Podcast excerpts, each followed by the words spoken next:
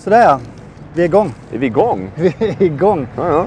Och uh, välkomna till, till podden allihopa igen. Jag sitter med Peter Törnroth.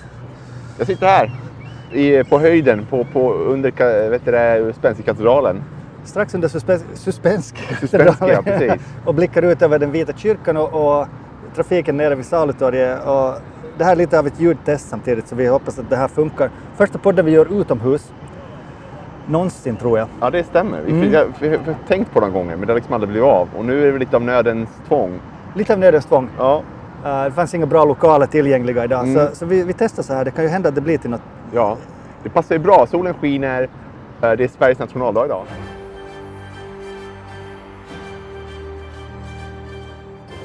Två nollor för mycket med Peter Törnroth och Janne Ström.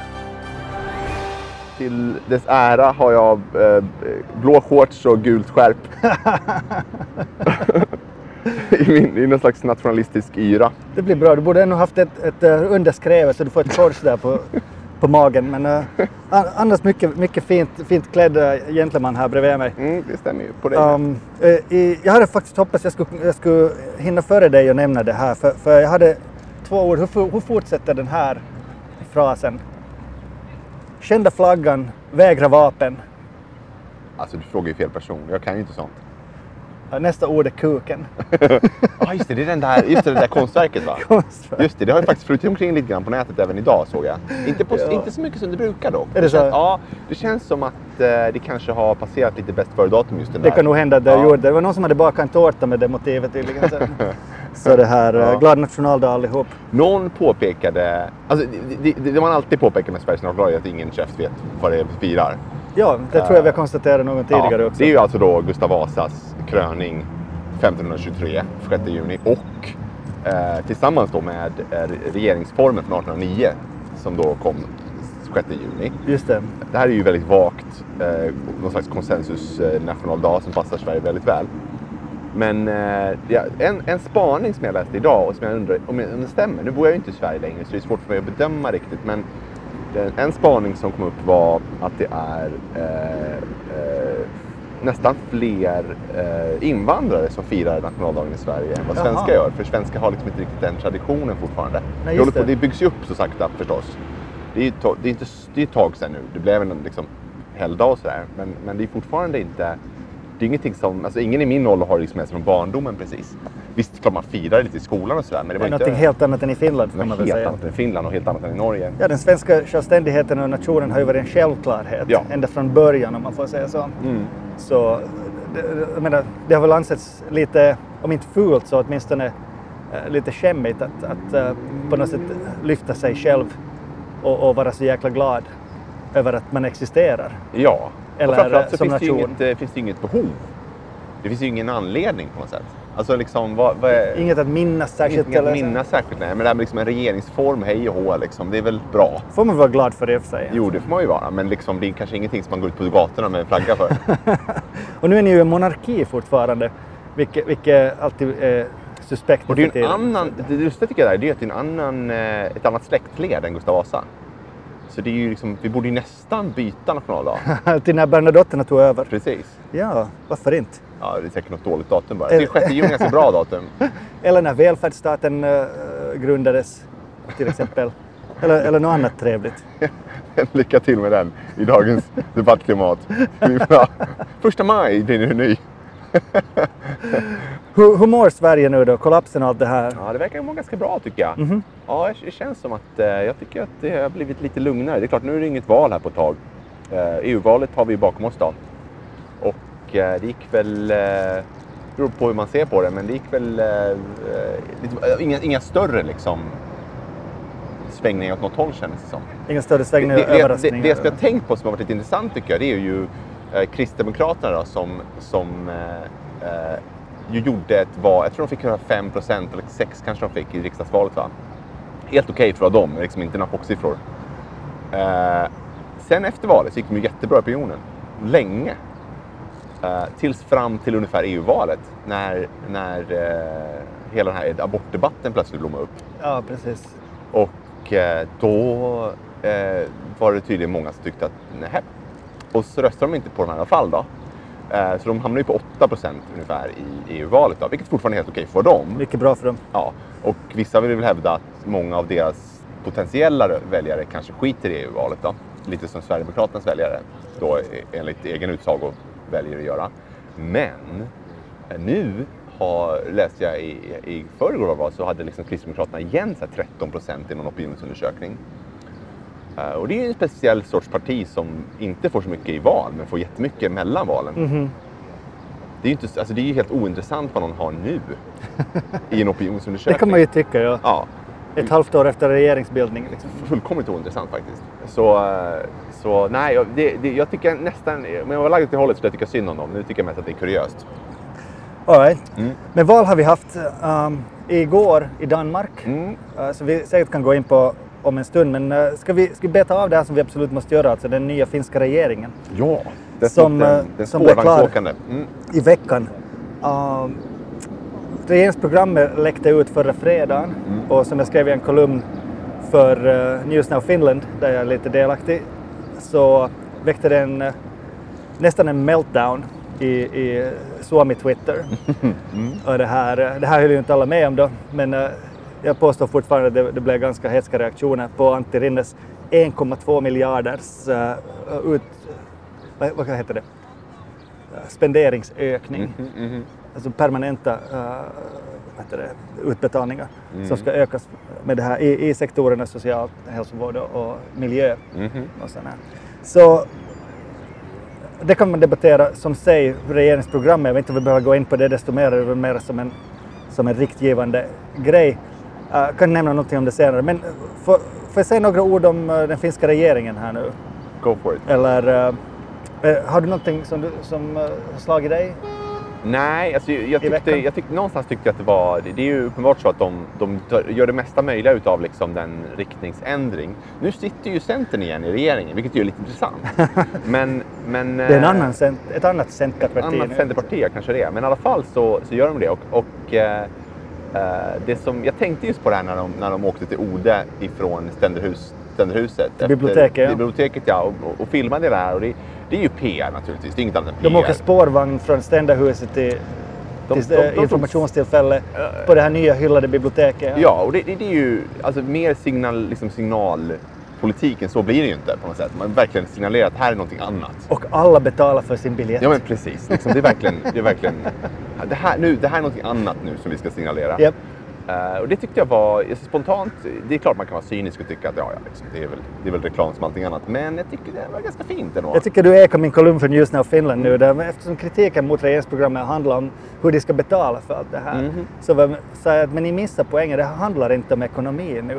Mm. Utan det handlar om att göra en symbolisk och konkret äh, avslutning av det vi har sett under de senaste fyra till 12 åren beroende på hur man vill räkna. Mm. av, eh, av eh, austerity measures och, och, och eh, lite sån här ja, hård, hård eh, finanspolitik liksom, och, och, och tving, tvångspolitik och allt möjligt vad det har, vad det har pratats om. Plus den, den här, som jag tycker kanske Sipilä-regeringens eh, värsta arv, eller det vi kommer att komma ihåg dem för, är hur ska jag säga, valhänt de handskades med, med den ökade främlingsfientligheten Mm. och, och rasismen i landet. Mm. Och jag tror att det, symbolen, symbolerna är viktiga här.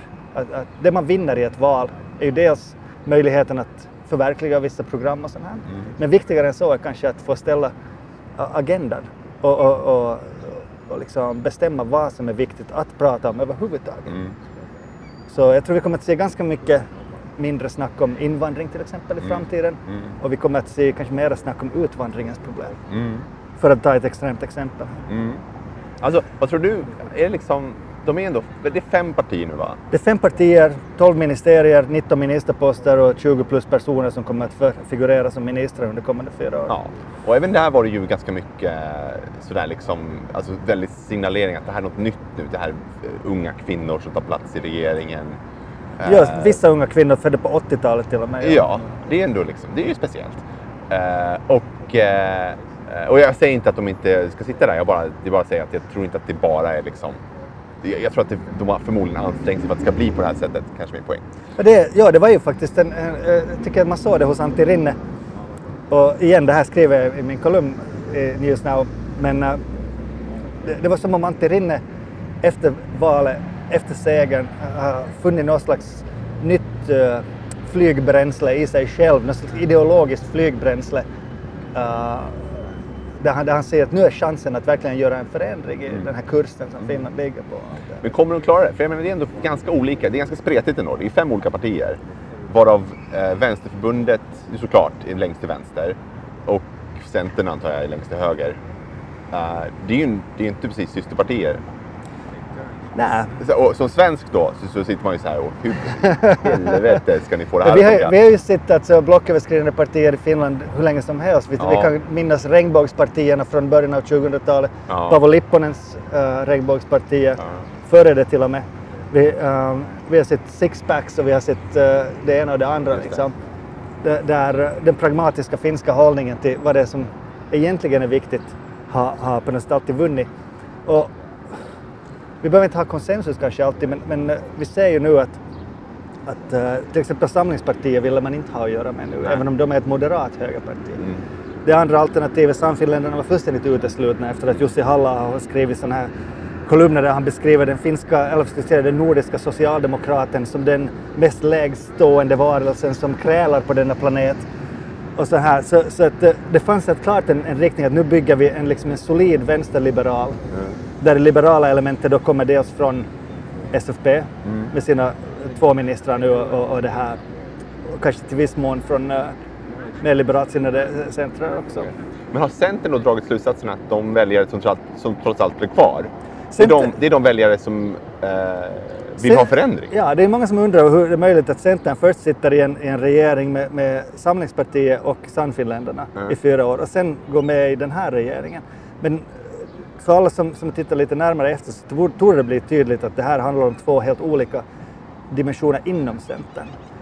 Det som, det, den center som, som figurerar under de senaste fyra år var ju inte en traditionell center överhuvudtaget. Alltså, Mm. där, de tog in till exempel Anne Berner, en, en, som egentligen var en uh, samlingspartist, om inte värre. Libertarianist kanske mer. Så här. Och, och, gav henne då liksom eh, fullmakt att uh, driva igenom taxi alla sådana här liberaliseringar. Sipilä som är en företagsman mm, kunde passa lika bra i, i, i Samlingspartiet som han gör i Centern. Och han drog sig ur. Ja. Han, han var i och för sig med i regeringsförhandlingarna, fick, fick hålla kvar den här eh, 75 procents eh, vad heter det, käpphästen som han håller med, med arbets, arbetsdeltagande. Finns begrepp för det. Mhm. Men, men det där, efter att han fått det här igenom i regeringsprogrammet så drar han sig tillbaka och sa under det här tillfället i måndags på ordet att eh, jag kommer att kolla hur det går från bänken där längst bak och hålla ett öga på vad regeringen gör. Men, men eh, det är ju den gamla Centern på något sätt som är tillbaka nu, som alltid har på något sätt lyckats hitta en gemensam melodi med, med Socialdemokraterna och kanske till och med Vänstern. Mm.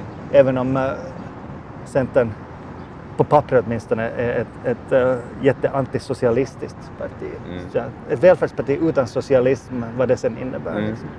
Det här är, alltså det, vi har ju varit inne på det här redan, men det är så himla spännande tycker jag hur eh, nära, hur små marginaler det är. Sossarna blev störst med typ ett andetag. Ja, en hårsmån. Och nu sitter vi här med den här regeringen istället för sig, vilken regering nu skulle kunnat bli. Det är inte mycket som skiljer. Nej, nej, det är inte mycket som skiljer, men det är ju samma som, som att någon lyckas göra ett mål i 89 minuten. Och sen liksom så bedömer du hela matchen utifrån det och tänker att ah, det här var nog en, stor vinst. Vet du, och, Ja. och det här, Ja. jag menar, det är klart det kunde ha gått åt alla håll. Någon sköt i Ja. stolpen där och så här. Ja. Vissa gick inte ut och röstade. Någon, Jag vet inte vad jag tycker om idrottsmetaforen i och för sig. Det är inte riktigt samma sak känner jag. Jag menar bara, bara den här liksom Jag kanske tycker, jag kanske efterklokhetens tycka kranka liksom blekhet. Liksom. i, i eh, fotboll eller vilken sport som helst så finns det en poäng med att det ska gå att det kan gå tvärt emot hur det kanske borde ha gått. Mm. Men i politik borde man kanske ha mekanismer som sköter sig på andra sätt. Kanske, och speciellt med tanke på att eh, alla opinionsundersökningar efter valet Ja. har, har, har det placerat Socialdemokraterna som inte alls störst, utan andra precis. störst parti. Precis. Men eh, det är därför vi har val, Ja. för att, Ja. Ja. för att eh, få, liksom något konkret hänt. Det, jag vet inte om vi ska... Sen gäller det att gå ut och rösta på den som man vill. Det är liksom. i allra högsta grad är det så. Ja. Så är det absolut. Det tror jag att Ja. kanske någon har lärt sig i år igen. Ja. Uh, och det här är också räknas. intressant för att, okej, då fick uh, sossarna och då drar de lärdomen att de kan göra på det här sättet. Dra politiken vänsterut ifrån var nu var någonstans innan. Eh, till skillnad mot, säg, sossarna i Danmark som eh, har gjort annorlunda. De har liksom bara kört över den politik som, eller, eller kopierat den politik som Kan vi lämna den här diskussionen för två Ja, sekunder absolut. och, och bara, bara beta av eh, regeringen snabbt här. Mhm. Mm, vem, vem- vem som kommer att sitta där? För du har en oerhört bra poäng i det där och jag vill Mm. tappa bort den. Ja. Men eh, vi, vi kör med agendan. Finska regeringen först. Då. Ja, absolut. Statsminister Antti Rinne, Ja. tidigare fackföreningsboss, eh, arkitekten för, för eh, det här samarbetet. Vi har alltså SFP, Centern, Gröna, Vänsterförbundet, Socialdemokraterna Ja. så, som, det där, som nu ska, ska bilda det här. Utrikesminister Pekka Haavisto, vad säger du dig? Eh, alltså det är ju... Det är ju Oerhört eh, populär kille. Oerhört populär kille och, och jag, jag tror ju... eh, jag tror han kommer sköta det alldeles utmärkt. Mm. Jag, jag har svårt att se varför han skulle inte kunna göra det. Det precis kanske just av det skälet. Och sen, och sen så... Alltså, jag vet inte om det, varför det har blivit så riktigt, men jag, jag på något sätt har jag sett de här åren med, eh, med Soini som utrikesminister att han har ju skött sig också liksom, ur ett rent liksom, alltså ur ett utrikesperspektiv. Liksom, tycker jag så att ja, han var ju, verkar ha kommit väl överens med Margot Wallström till exempel. Mm. Uh, verkar ha gått jättebra. Han talar ju de- dessutom en utmärkt svenska. Ja, bara en sån sak. Eh, så, så att, uh, jag ser inte varför inte Havisto skulle kunna göra ett lika bra eller bättre jobb. Liksom. Sen är det ju betoningarna, vi- vilka tillställningar man till exempel väljer att eh, åka på. Nu Soini väckte ju en massa uh, ont blod bland många genom att åka på till exempel Trumps uh, bönefrukostar Jo, för all del. Ja. eh, och uh, delta, delta i de här uh, anti-pride Ja. tillställningarna och anti-abort-tillställningarna. Ja, det det, det Mm. kommer vi knappast att se, se Haavisto göra. Svårt att se det hända. Så, finansminister Mika Lintilä, en trogen centerpartist, tidigare korvfabrikant för företaget Pouto, uh, före han, han sen gav sig in i politiken.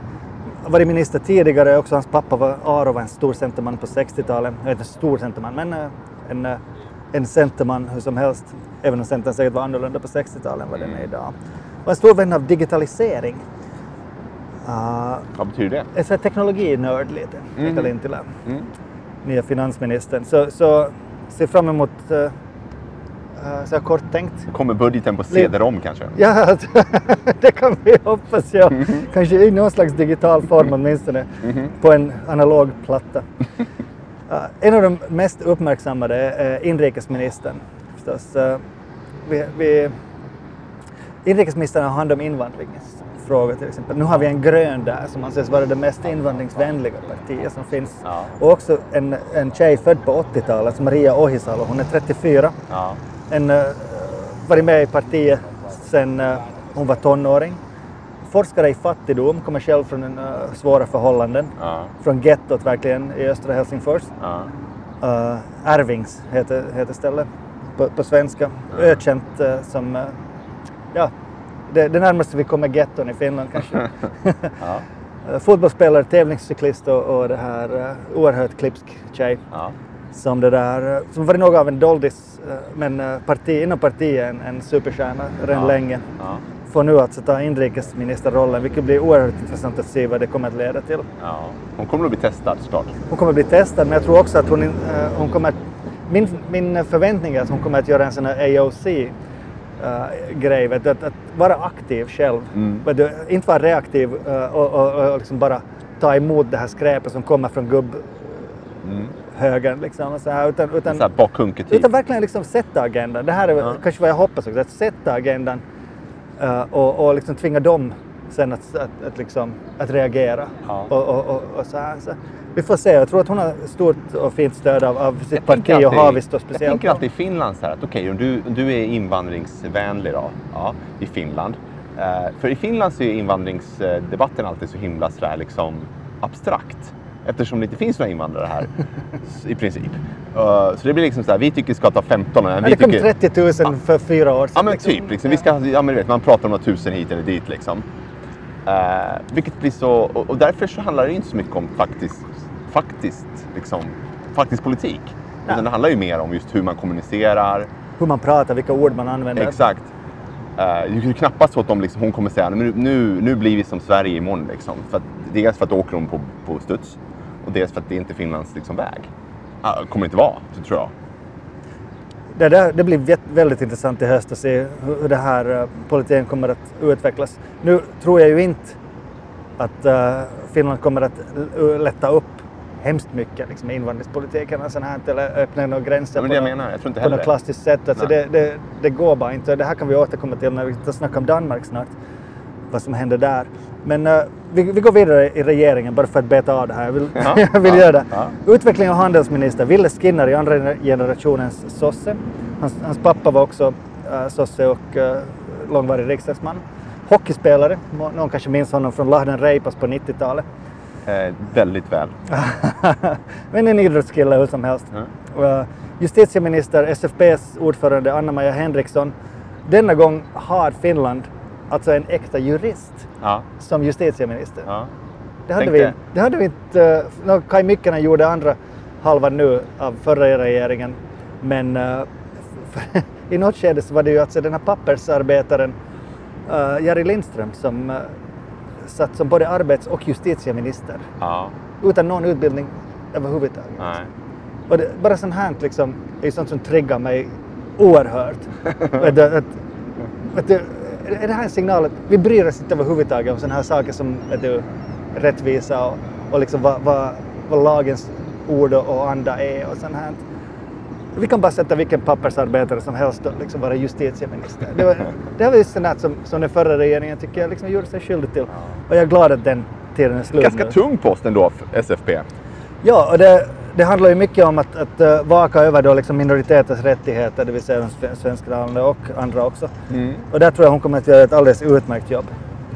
Ett annat intressant namn i regeringen nu, arbetsminister Timo Harakka, SDP ex-journalist och, och, en av Finlands intellektuella. Uh, ett, ett, jobb som Antti Lindman, som var gruppordförande för Socialdemokraterna, tackade nej till tydligen. Uh, arbetsministern är ju en som, som blir piskad och det blev ju Jari Lindström också som jag nämnde här nu. Uh, inte bara på grund av, av regeringens liksom, linjer eller sånt här, men också för sin grova inkompetens.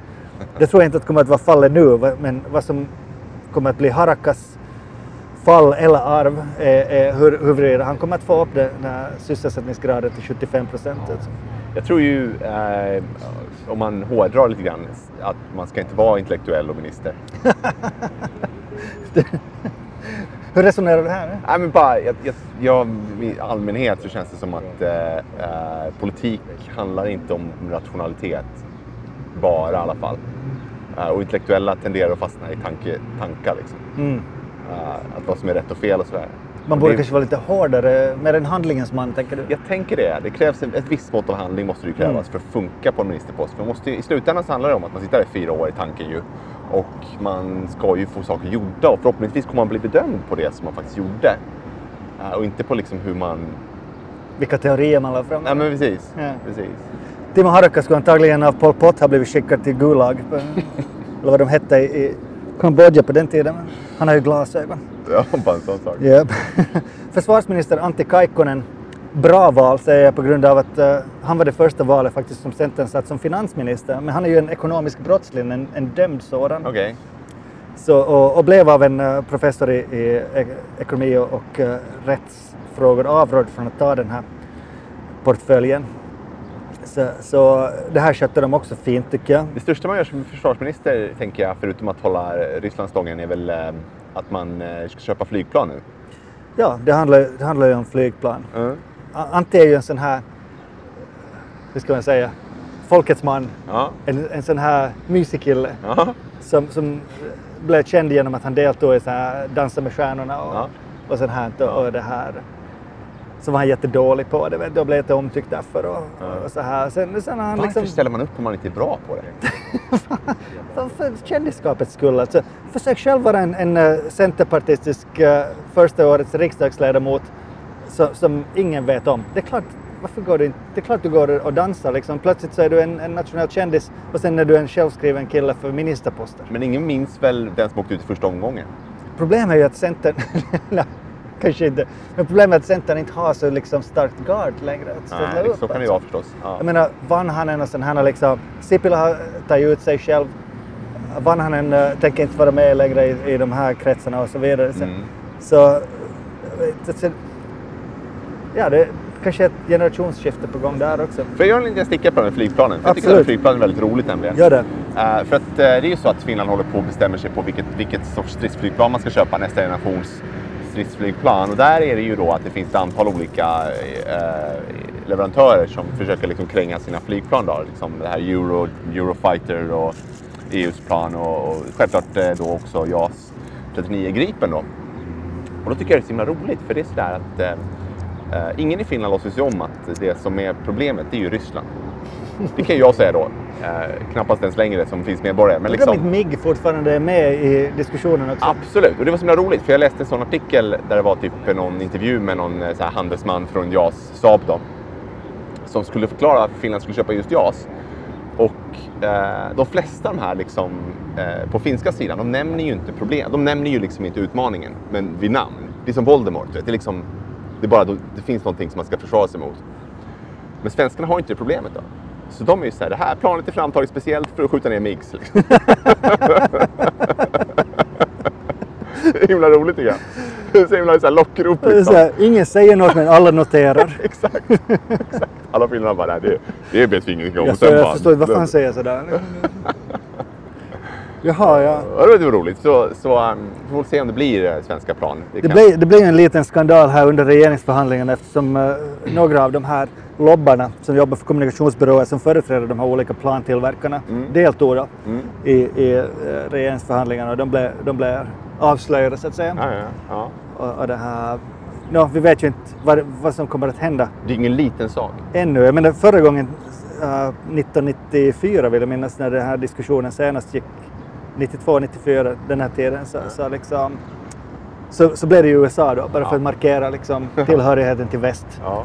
Vilket har gjort att man är lite fast i den här liksom, teknologin och, och, och allt den här software och allt som finns kring det här. För Mm. det, ju, det handlar ju inte om ett flygplan, det handlar ju om liksom en, en hel vad ska jag säga, Såklart. infrastruktur som du köper. Ja. Och om vi ska migrera hela den från eh, den amerikanska till den svenska nu, Mm. så, så det är kanske det som talar emot det. Mm. Däremot så tror jag att det finns en eh, politisk vilja att, att närma sig Sverige i försvarsfrågor mer och Mm. mer. Som, eh, som säkert kommer att spela in här också. Om någon skulle vända sig mot eh, det svenska alternativet så tror jag att det är den här regeringen. Mm. Så vi, vi får se vad som händer där. Mm, mm, mm. Men det, eh, det var alltså Kaikkonens uh, bryderier. Mhm, mhm. Uh, kommer så här, Sirpa Paatero, kommunminister, hon har varit tidigare en trogen trafik och kommunikation. Sanna Marin, SDP kommer ett från Tammerfors. Mm. Uh, vill man skvallra lite kan man säga att hon kommer från en regnbågsfamilj. Uh, vetenskap och kulturminister. Det här är en ny, ny branding av, av posten. Annika Ja. Saarikko, uh, Centerns uh, guldgris. Ja. Um, undervisningsminister Li Andersson. Ja. ja. Ja, hon kunde säkert ha valt vilken portfölj som helst men uh, det länder henne till heders att hon tar den. Tror du det? Så Har pass har viktig. fått finansminister? Jag tror inte att hon ska få ett finansminister. Det, det är alltid andra största partier som, Ja. får, som får välja den. Ja. Men hon, hon kunde tänka mig ha, ha utmanat inrikesministerposten till exempel. Ja. Men uh, undervisning, varför inte? Så det är ju en viktig sak och det, det är liksom, där kan du göra investeringar för framtiden. Så är det. Och det, där har vi också en, en eh, kritik mot regeringen i det regeringsprogrammet där utgifter och investeringar eh, sägs ha blandats ihop lite. Ja. Att, vi- vad är liksom spendings och vad är investments egentligen? Ja. För att eh, många anklagar dem nu för att ha, ha gjort många sådana permanenta utgifter till, eh, och brandar dem som investeringar. ja. Och jag tror att det här gäller speciellt då undervisning och annat sånt här. Så, Ja. Så där har Li Andersson är en tuffing, hon kommer att klara vilka uppdrag som helst. Det är ingen, ingen, inget tvivel om. Jag vet inte. Jag, jag, Mm. jag, jag, jag, alltså, det kanske hon gör. Jag bara... Jag bara eh, det är också, alltså, utbildningsminister är också en post som är väldigt Undervisnings utsatt. jag. Undervisnings, okej. Oavsett. Liksom. Det är väl samma sak? Eller finns det en Nej, utbildningsminister nej, nej, också? det är helt samma Nej. sak.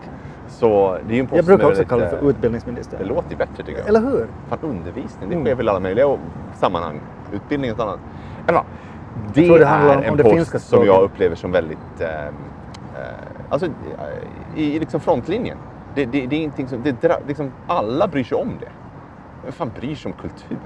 Liksom, ja, men så... eh, Kultur är allt. Ja, men du vet, så du vet, så liksom, alltså huruvida liksom Svenska Teatern ska ha si eller så mycket bidrag. Men skolan, det är något helt annat. Det, alltså, det påverkar ju alla. Bokstavligen alla. Och, och min bild är att utbildningsministrar ofta är under ganska, liksom, i skottlinjen. Liksom. Mm. Jag hoppas hon, hon blir en, en proaktiv minister där också. Mm. Nu har vi ju slagit fast att eh, det ska bli eh, skolplikt, eller förlåt, skolplikt här i Sverige under uh, läroplikt Ja. ända fram till andra stadiet, det vill säga 12 år av skolan Ja. blir obligatorisk. Just det. Just det. Det här har också kritiserats av högern. Man ska inte behöva tvinga människor till att lära sig för mycket. Ah, vad? Det, det ja, precis. Ja, gud alltså. Ja, det här är en helt annan debatt. Låt oss ta annan. Det är det ja. Mm. Europaminister i nya regeringen Tytti Tuppurainen från Uleåborg, SDP. Uh, kuriosa, gift med riksdagens administrativa direktör. Det är perfekt att vara gift med den ju.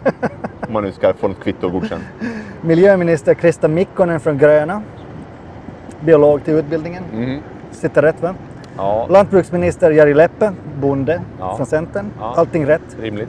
Näringslivsminister, eh, där kan man ha olika årstider. Jag vet inte varför någon annan inte tog den här. Ka- Katri Kulmuni heter hon. En tjej som jobbar med Paavo Väyrynen och en stor Rysslandsvän. Eh, Jag vet inte om det här... för- Centerpartist då? Ja, som, Ja. som förebådar någon slags bättre re- relationer med Rastatom eller något sånt här. Att vi kan kanske få det här kärnkraftverken byggda så småningom. Aldrig, det kommer aldrig hända. det verkar ju inte så. Nej. Nej. Det kan vi återkomma till. Jag kollar den här Tjernobyl-serien i och för sig. Just det. Social och hälsovårdsminister Anna-Kajsa Pekkonen, närvårdare till utbildningen. Ja. Uh, också varit eh, tidigare eh, aktiv och, och, och synlig. Som kuriosa bror till populära skådespelaren Aku Hirviniemi.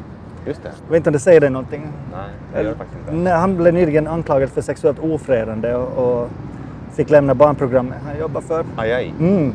Får, eh, Får jag skvallra ännu mer? Jag vet inte, behöver vi göra det? Nej, kanske inte. Vi, det, jag tänkte på en annan sak. Får man tjänstledigt automatiskt när man blir minister? Får man förlåt? Tjänstledigt. Om man är närvårdare så kommer man och säger jag ska bli minister nu i fyra år. Jag tror inte det är ett problem. Jag tror inte det. Nej, absolut. Vadå? Jag tänker liksom vadå? Får man att, att arbetsgivaren bara, ja, Jag, ty- jag tycker arbetsgivaren borde ju vara glad att en av ens egna liksom får en så prominent plats i, i beslutsfattandet. Jag vågar påstå att det tror jag inte är alla som tycker som du. Nu, nu har hon, inte varit, hon har ju inte jobbat som närvårdare på en väldigt lång tid. Det är Okej. bara hennes utbildning. Ja, Okej, så något annat. okej. Ja, så jag, bara, jag bara säger Ja. att hon har liksom en, en uh, verkstadsgolvserfarenhet av vad det innebär när hon nu ska ta hand om den här SOTE-reformen som Ja, igen det- ligger på bordet. Det kan vara värdefullt, sant. Ja. Hälsovårdsreformen som är på gång. Ja, ett valämne. Familjeminister, också någonting som man ska ha tydligen. Krista Kiuru från SDP, erfaren minister, inga skandaler där. Sen eh, den andra SFP-ministern, Thomas Blomqvist, eh, han är nordisk samarbetsminister. Det, det är ju rimligt. Ja, det här är ju någonting som förra regeringen inte ville ha så mycket att göra med, var Nej, Norden. Alltså. nej. Jag minns att Alexander Stubb sa under eh, sitt första nordiska ministerrådsmöte, vittu mitä paskaa. Fullständigt värdelöst skit alltså, Ja. det här. Alltså, Ja. Han sa ingen värde. Han är en europé. Liksom. Exakt. Stubb ser väl inget värde med Norden överhuvudtaget? Nej, det verkar inte så. Nej. Nej. Han är mera frankofil kanske. Här. Men uh, Thomas Blomqvist från Ekenäs, en slags, tänker jag mig, SFP-pendyl till Anna-Majas pendang. Ja. Det vill säga jordbrukande man från Nyland istället för en uh, högutbildad uh, jurist från Österbotten som är kvinna. ja, ja. Thomas var också tidigare Folktingets ordförande ja. som han nu lämnar över. Så uh, det här är regeringen. Som sagt, uh, 19 ministerposter kommer att bli ungefär 20-22 olika personer som kommer att sitta på dem under för närmaste fyra år om allt går som planerat. Uh, det som vi kanske kunde nämna ännu är att det som var den stora frågan i valet i år var ju klimatet. Ja. Och det har uh, regeringen nu uh, reagerat på genom att införa en uh, miljö och klimatminister. ja. Så att det, het, det heter mer så nu. Det är Krista Mikkonens bord då. Ja. Så vi har alltså en klimatminister nu. ja. ja, ja. ja det, det är väl i tiden. Jag, jag tycker det känns lite modernt. Det här, Ja. liksom. ja Känns rätt. ja, jag tror ju att... Vi ger, jag tycker vi ger dem vad britterna säger, benefit of the doubt. Alltså. Men det, som vanligt är det intressant. Vem kommer att avgå först och sådär. Det kan ju prata om sen. Liksom. Mm. Det får Ja. vi se när det det är händer. liksom Falcon Crest-aspekten av det hela det här. ja. Mm. Så det var, det var min rant om eh, regeringen hittills. Så Mm. att, eh, inte så mycket mer att säga om det. Vi bara önskar dem lycka till när jobbet börjar efter de långa, den långa, långa, långa semestern de har att se fram emot. Ja. Ja. Så i september så kan vi återkomma till, till hur det ser ut när budgeten kommer och allt sånt här. ja, herregud. Det är länge till dess. Mhm. En lång och vacker sommar fram till dess. Mhm. Något annat du har haft på hjärtat den här veckan då? Eh, nej, alltså det, det är ju uh, det danska valet. Men innan vi hoppar dit så tänkte jag Det- vi vi skulle kan kunna- hoppa vi direkt kan till lätta upp det med, med att eh, vi sitter ju i Helsingfors här och tittar ut över vackra staden. Eh, Man kan säga att höra de här Harley Davidsons brumma här i Vad bakgrunden. kan passa bättre än att trasha Åbo lite grann? Absolut. Så eh, du såg väl den här fantastiska nyheten med Åbomannen som hade blivit instängd i en sopbil. Okej, nu får du ta det från början. Ja, han hade tappat ner någonting i ett sopkärl eh, på sin bakgård eller var det nu var någonstans utanför sitt hus. Eh, En roskistunna en som kallar roskistunna som man säger på finlandssvenska och, och eh, bestämt sig för att det där måste jag ha tillbaka. Så han hade hoppat ner i tunnan för att leta upp sagda sak. Det framgick inte exakt vad det var för någonting men jag utgår från att det var någonting ganska värdefullt. För att helt frivilligt hoppar man ju inte ner i en sån. Gissa om det är Åbo så en digital klocka eller något sånt. Liksom. Precis. Så, då kom sopbilen och tömde sagda sopkärl Som han låg i. som han låg i så han hamnade inne i sopbilen. Och det här är liksom, det här är ju en mardröm. Det här är ju verkligen en mardröm. Det här är sån här grej som, eh, som man typ tänker att... Det, här är det kan inte stämma.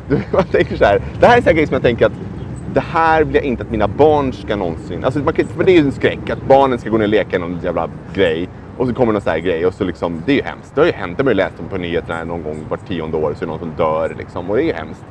Men att en vuxen människa skulle hamna i situationen är ju, det är fan, det är fan speciellt. Ingen märkte att det var 80 kilo extra i den här liksom. Nej, alltså jag vet inte. Men den här driftiga människan ringer då till räddningstjänsten och säger att jag sitter Inifrån fast sopbilen. inifrån sopbilen och säger att jag sitter fast i en sopbil. och då uppstår ju en del problem för det finns ju mer än en sopbil. Så vilken sopbil och var är du någonstans? Det går inte att veta. Men vad blev du upplockad borde ju vara frågan. Jo, det är som man kan ställa. Det är sant. Det är sant. Men via GPS hade de lyckats hit, lokalisera sopbilen som tack och lov då inte hade liksom åkt och tömt det här någonstans. Hur länge låg han där? Ja, det framgick inte heller. Men det, han, ja, Men jag tycker att det här är en, det här är en ljuvlig nyhet. eh, I och med att han, han, han, han skadades bara lätt tydligen. Det var ingen fara, han kommer att klara sig väl. Lite traumatiskt naturligtvis. Men, men någonstans så finns det något fint i det här. Att liksom, hur i hela friden? Liksom. Av alla scenarier i ens liv så skulle det kunna gå snett. Okej nu. Om du någon gång har följt med när sopkärl töms Ja. så vet du att de först transporteras ut från den här lilla inhägnaden där de ligger på innergården. Ja. Ungefär 10, 20, ibland 30 meter Ja. ut till bilen. Ja, ja. Och den här killen har inte märkt någonting under den tiden. Nej. Så han har, varit, alltså, han har somnat dit. Han har alltså varit... Nej, han har förmodligen skrikit men inte blivit hörd, tänker jag. Men det är ju bara att stiga upp. Om någon liksom rullar det här sopkärlet du ligger i så är det bara att stiga upp därifrån och säga hej ursäkta. Ja, liksom. Eller har han tyckt att det är så pinsamt så han tänkt bara "Nej, jag, jag ser vad, vad jag ser vad som händer. Liksom. vad, vad är det värsta som kan hända? Jag blir liksom huggen av de här uh, tänderna som, som uh, krossar roskor. Liksom. Ja, fy fan vilken mardröm. Jag vet faktiskt inte. Det fi- finns så många frågor kring det Det här. finns så mycket så- frågor, ja. eller hur? Ja. Men, eh, men eh, ja, det, jag, det, jag vet inget mer än det här. Det är, liksom inte, det är inte så att någon grävande reporter har liksom frågat de här ytterligare frågorna, vilket de borde göra. Ja, vad ska vi med reportrar till om inte det här? Mm. Vad ska vi med dem till? Men liksom, men liksom, jag tyckte det var så fint, jag var tvungen att nämna det. Dagens Åbo-nyhet. Jag tar gärna emot vilka förklaringar som helst nu. Alltså, jag tycker det finns massor av plausibla förklaringar på det här. Hur kommer det sig att du liksom, inte stiger upp därifrån när någon börjar ruckla på det här kärlet? Det här är min Han fråga. Du har alltså lagt dig och sova dit? Han hittade halvt uppäten biff där inne. Så. Han har sovit där. Det måste vara, ja, han har varit avslocknad där. Det måste vara enda förklaringen. Liksom. Sen hittar han sig själv liksom någonstans bland en massa skräp. Oh. Ja, jag, jag vill inte ens gå dit. Nej. Nåväl. Okej, en snabb avbäddning av Danmark då. Mm, Okej, ja. Mette Fredriksens röda block Mm. vann mot Lars Løkke Rasmussens blå block. Mm. Rasmussen eh, har varit statschef nu i fyra år Mm. och före det var, det var han inte men sen fyra år före det var han det Mm. åter. Uh, jag vet inte, vad finns det att säga som, som är intressant här annat än att de röda kommer att eh, försöka bilda regering nu, ett intressant är ju att uh, Danskt Folkparti då, tappa Eh, mer än hälften av sitt de understöd. tappade 12 procent och var nere på 8 va? Tror jag det var. 8,6 Eh, tror jag från, förra, från förra valet. Eh, vilket är ju jätte, det är ju ett enormt tapp. Och som jag förstår det så är det relativt ny, liksom, ett nytt fenomen att de skulle ha så låg, eh, låga siffror. Alltså bara ett, ett halvår tillbaka så var det absolut inte så här. Eh, och min förståelse av dansk eh, politik är att det helt enkelt beror på att de andra partierna bara helt enkelt tagit deras politik och så det är nytt, kör vi den istället.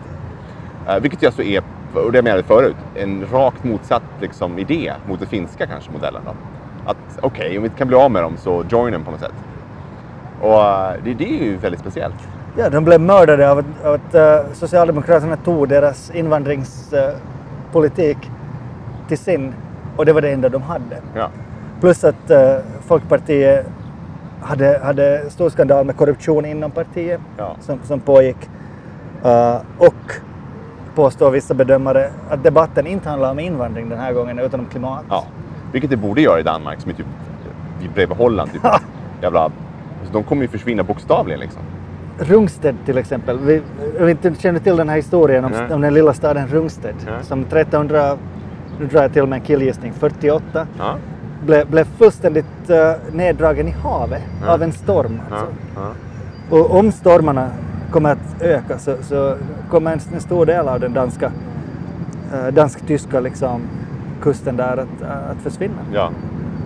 Så att, uh, där, där finns definitivt orsaker att hålla Landhöjningen koll är på ju det där där. också ganska, ganska hög. Det är den säkert också. Mm. Så kanske vi kan kompensera.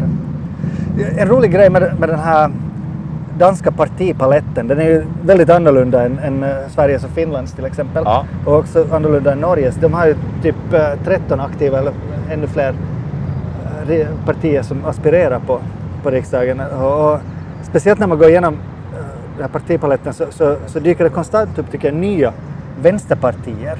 Ja. Så där, där, du, har, du har dels Radikala Venstre som är en eh, slags vänsterparti. Ja.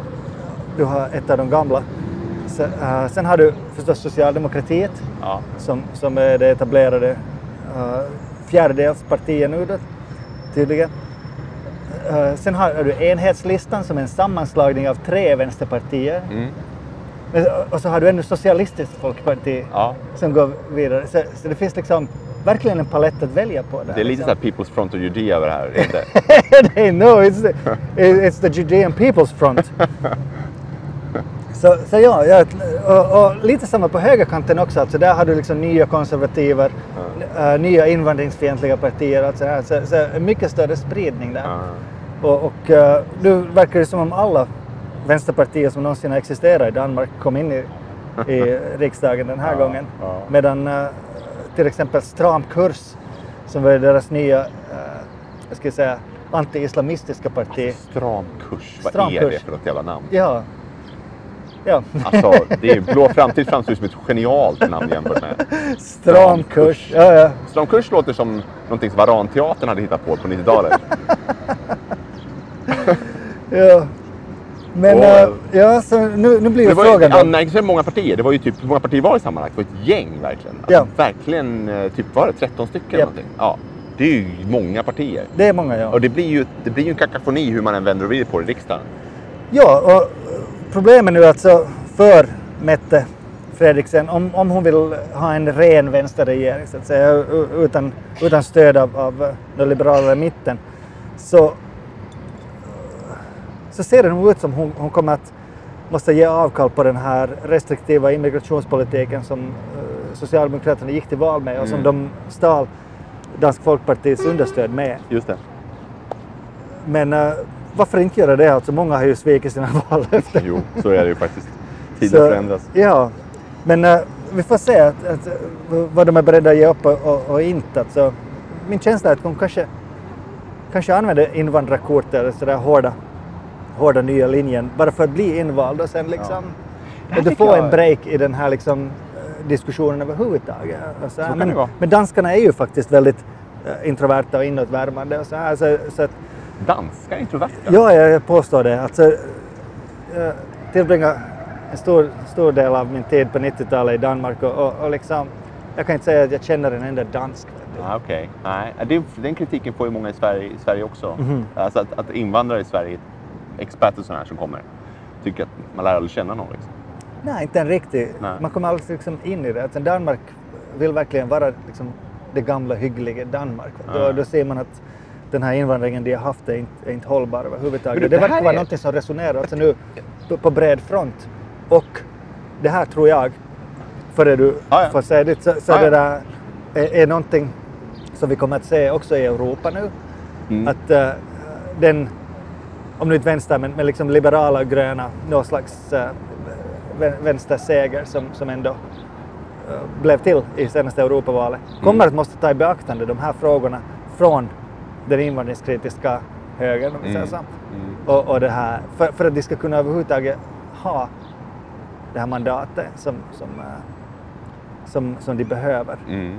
Och eh, professor Johan Strang, släkting, Mm. kan jag väl säga, vid Mhm. HU, sa, sa eh, i flera intervjuer kring danska valet nu i, i, i veckan att eh, Danmark har vanligen visat vägen för åtminstone resten av Norden Ja, och, och kanske också för, för resten av Europa. just det. Så vi får se vad det kommer att inbegripa. Alltså, om vänstern kommer att omfatta en, ska säga, vad, vad högern skulle kalla en rationell invandringspolitik Mm.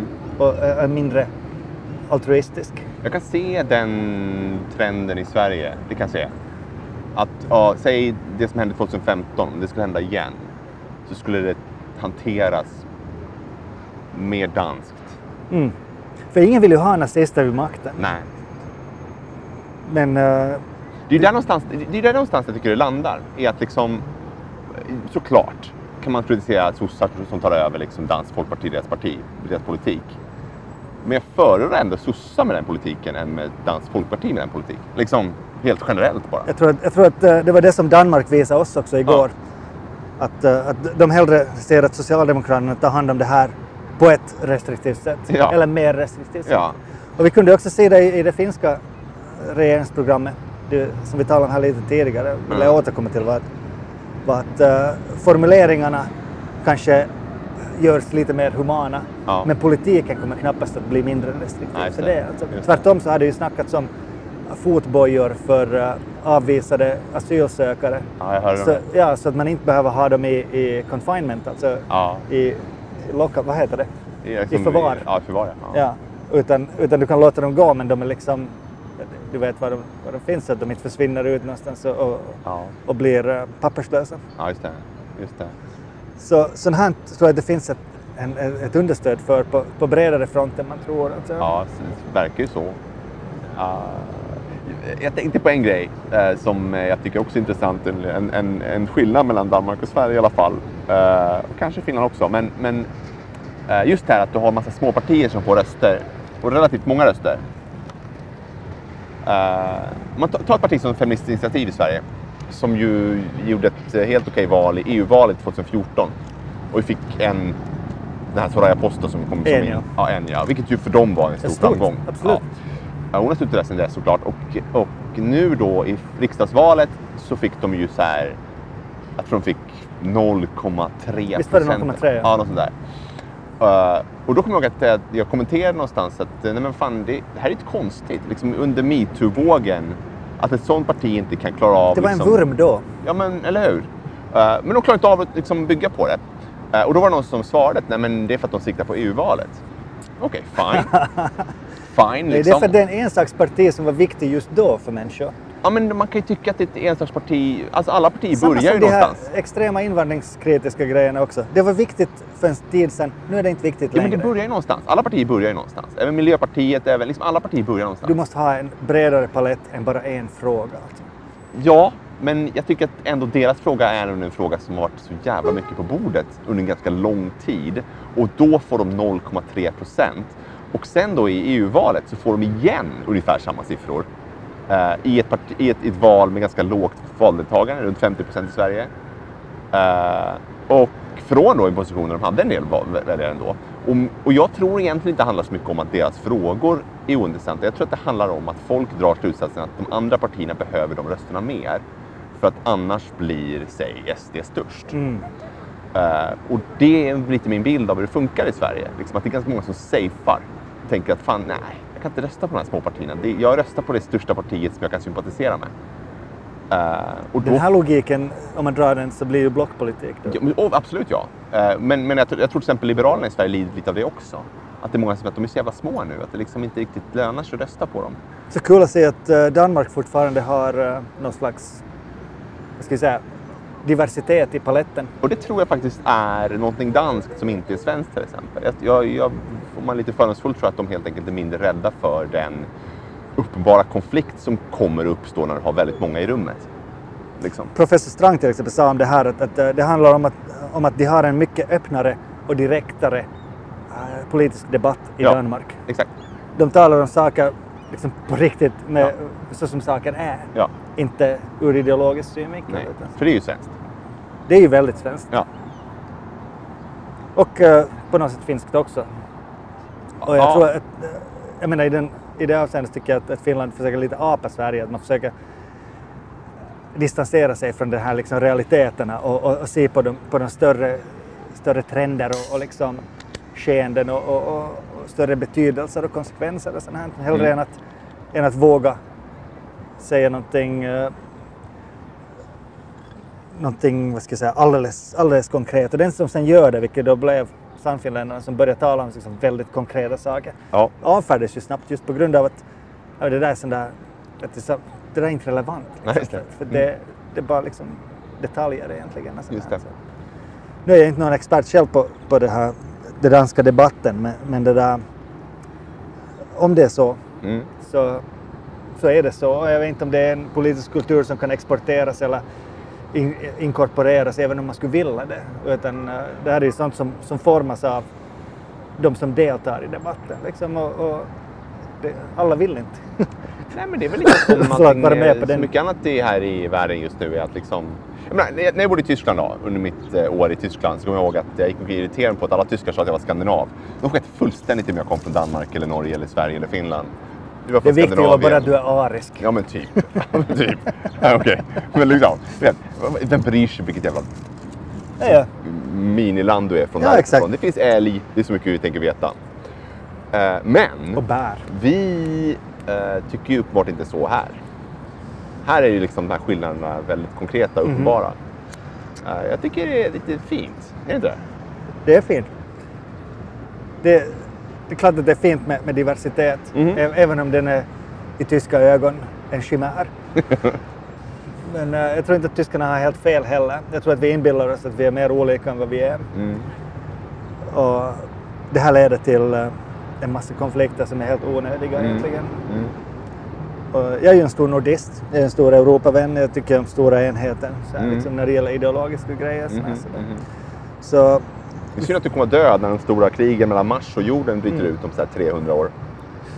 det är det här perspektivet som jag saknar Mhm. överhuvudtaget i politiken. Alltså. Mm. Men detta om valen alltså. Nä- Nästa stora val, vi har ju alltså konstaterat det här tidigare, det är ett av de stora demokratiska åren i år. Indien hade den största folkomröstningen någonsin. Mm. Var det en miljard människor som deltog eller något sånt Mm. där, så. Det är speciellt. Ja. E- EU-valet var det näst största demokratiska valet någonsin. Men vi har tydligen 29 parlamentsval i år Ja. eh, och andra betydande val. Jag tror nästa är Ukraina och Vitryssland som är i slutet av månaden nu, eller början av juli. Vitryssland förvisso ett val med fnuttar runt. Jag ska återkomma till Ukraina och Vitryssland sen, eh, för jag vill, jag vill hylla den här Tjernobyl-serien. Mm. Men först, först eh, vill jag fråga huruvida du har åkt elskoter någon gång? Uh, elskoter, pratar vi elsparkcykel, Ja, elsparkbräda? vad, vad kallar du det? El, det är inte sparkbräda. Är- pratar vi om nu. Ja. Voi eller T eller Hoop eller vad Alltså, heter jag, de? jag är en varm de här som ligger, ligger överallt på Ja, gatorna. Så här, jag är så här. Där Konceptuellt, principiellt och idémässigt är jag varm anhängare av detta. Jag är för allting som går att åka från en punkt till en annan. Du behöver inte tänka på vart du ska. Vart du, allt är bara liksom där. Mycket, mycket bra. Fem plus. I utförande, två plus. Oj, Ja, för att de, det är just, de ligger överallt och skräpar. De är men det är ju deras fel. Det är klart det är deras fel. Det är deras ansvar. Eh, det är Är uppenbart det så att... ditt det är ansvar att lämna den på, på ett vettigt ställe? Mm, ja, det är mitt ansvar. Men, men det är ungefär som att säga att det är mitt ansvar att eh, eh, slänga skräp på rätt plats och låt oss glömma papperskorgar. Det, det är liksom... Det funkar inte så. Vi människor... Vilket de har gjort på Robertsgatan. Vi, vi människor behöver ha någon slags struktur uppenbart för att det här ska funka på ett rimligt sätt. Precis som stadscyklarna har sina stationer så behöver de här skotrarna ha någon slags station motsvarande där man kan ställa dem så att de inte står och ligger överallt hela tiden. Helsingfors Sen- stadscyklar by the way. De mest använda och mest hyllade i hela De världen. är fantastiska. Eh, sen, utöver det, så tycker jag att de eh, eh, har den lilla nackdelen att de är eh, uppenbart av låg kvalitet. De håller ju inte. De är ju inte byggda för att hålla. De är inte byggda för att hålla det, eh, vilket ju är tråkigt. Uh, återigen, till skillnad tycker jag, upplever jag i alla fall som stadscyklarna som är rätt sturdy liksom. Eh, och sen så var det ju inte, det var en vecka sedan en herre i Helsingborg körde ihjäl sig själv på en sån där. Eh, typ så tre dagar efter launch i Helsingborg. Eller blev han, blev han överkörd av en bil? Så kan man inte uttrycka sig och man kan förstås uttryck, hävda att det är ett större problem att det finns bilar på gatorna än, än sådana här elskotrar. Någonstans, jag tycker inte att kritiken att liksom att, att alltså kritiken är feltänkt när man säger att eh, de är ovänligare mot som miljön till exempel än att gå, för det är inte det man slåss mot. Man slåss ju mot till exempel bilar. Men, men eh, nej, jag, jag tycker att utförandet helt enkelt är clunky. Det är inte bra liksom. Det, det funkar inte som det ska. Men konceptet blev- är bra. Konceptet är jättebra. Alltså jag blev omkörd häromdagen av två stycken killar i så här 30-årsåldern.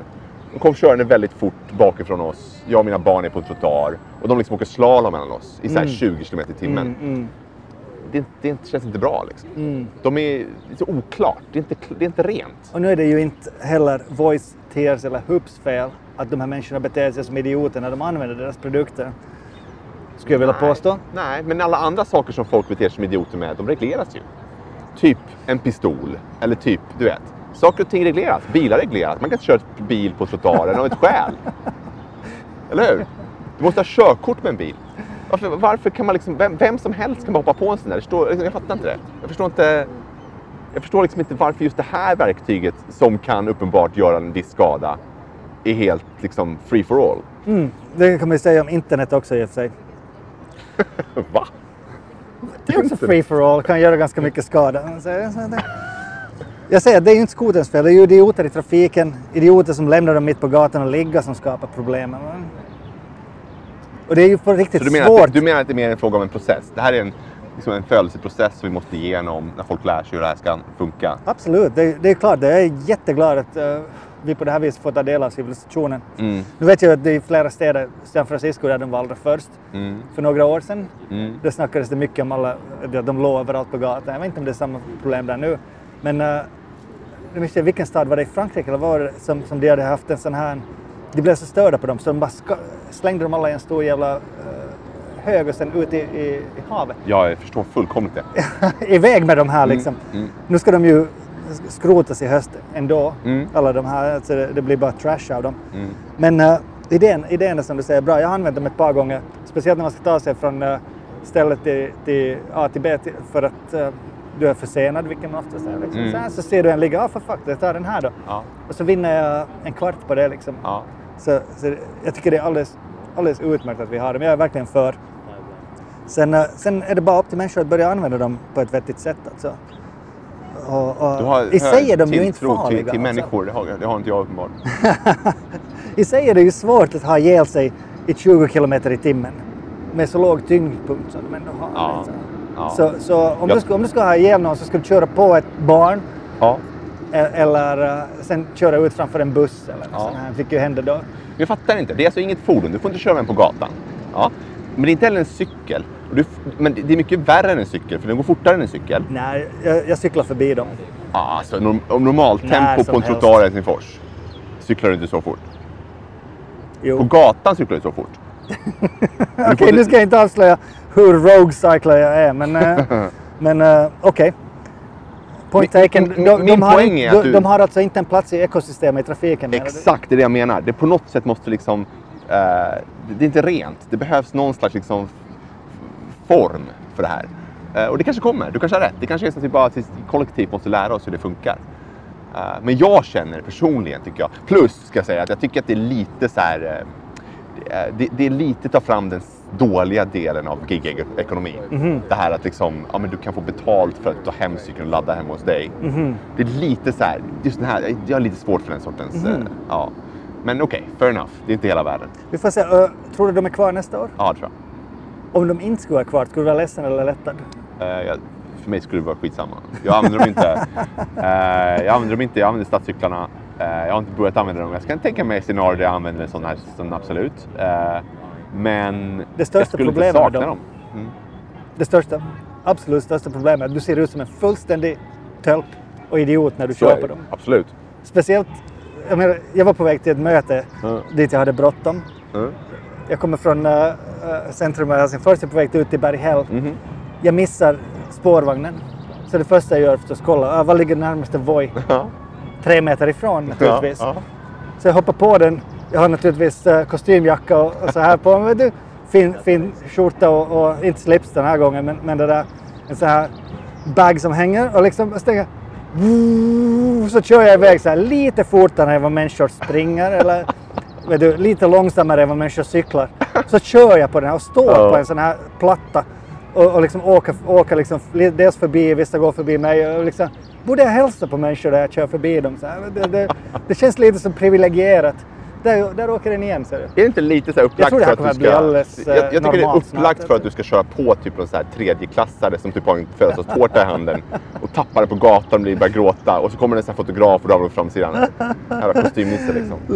Jag, tror- jag, tror, jag hoppas och tror att de här kommer att bli en, eh, en synlig del av, av sta- staden. Jag har väldigt svårt att tro att, att, att det bara är en fluga. Jag tror också att det kommer finnas kvar. Jag är helt ganska Sen, Sen- tror jag att det kommer vara... Jag tror att det kommer regleras på något sätt. Jag tror att det kommer ske någon slags form för det. Där det kanske kommer stationer eller något liknande. Kanske färre. Jag vet inte vad det skulle vara. Men kanske zoner där man inte får lägga dem. Jag vet jag. Men, Ja, då behöver vi lagstiftning för annars ska inte polisen ingripa. nej, men precis. Det är exakt det jag tror det är.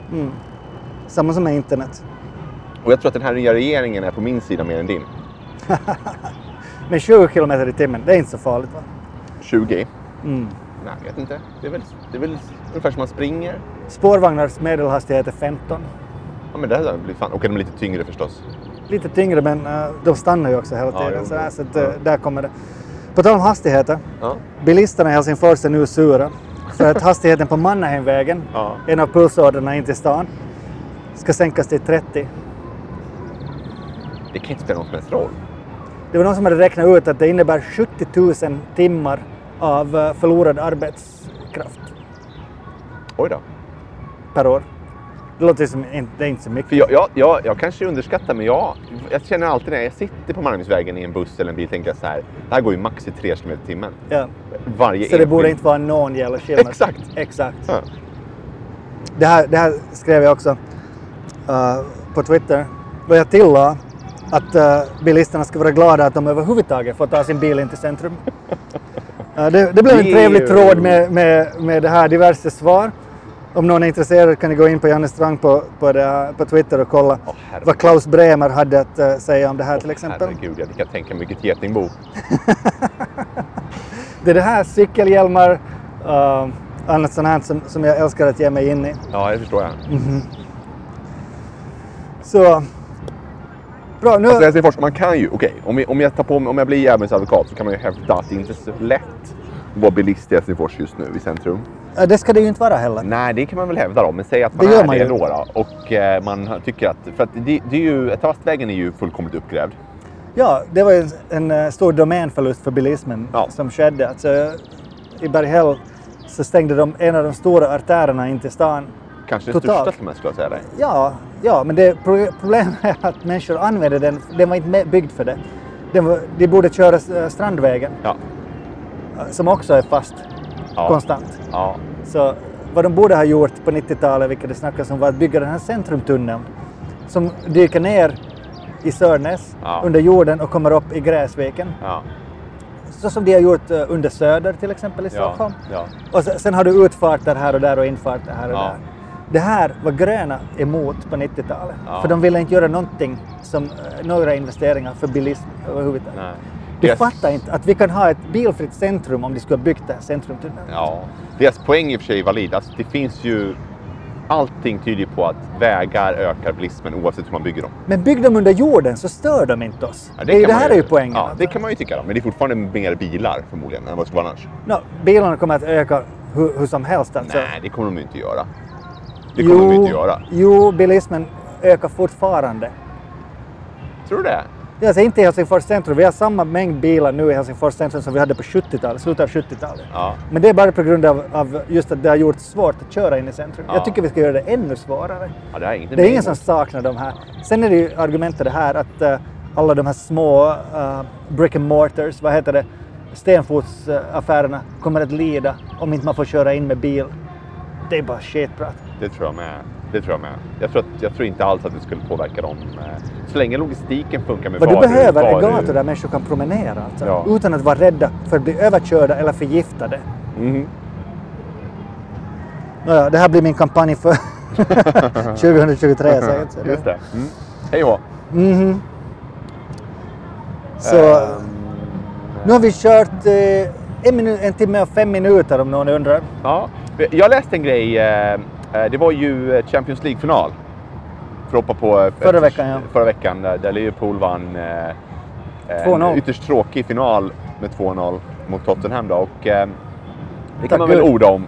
Eh, Ja, ja, jag har inget emot det. Jag tycker Liverpools eh, nuvarande lag är väldigt De borde ha vunnit redan i fjol. Ja, men i alla fall. Eh, den som gjorde första målet var ju en viss Mohamed Salah. Som man väl... The eh, Fat Pharaoh. Ja, man kan fortfarande, egyptier då, man kan fortfarande hävda är eh, Premier Leagues en av eh, i alla fall tre största stjärnor. Eh, men så läste jag en, en, en nyhet som jag tycker var så himla intressant och det, han är ju muslim. Och eh, Mohammedan som vi kallar det. kan man säga. Och eh, tydligen då så har det gjort en mätning i Liverpool hur många hatbrott mot muslimer som har skett sedan han kom till Liverpool. Och då har det gått ner asmycket.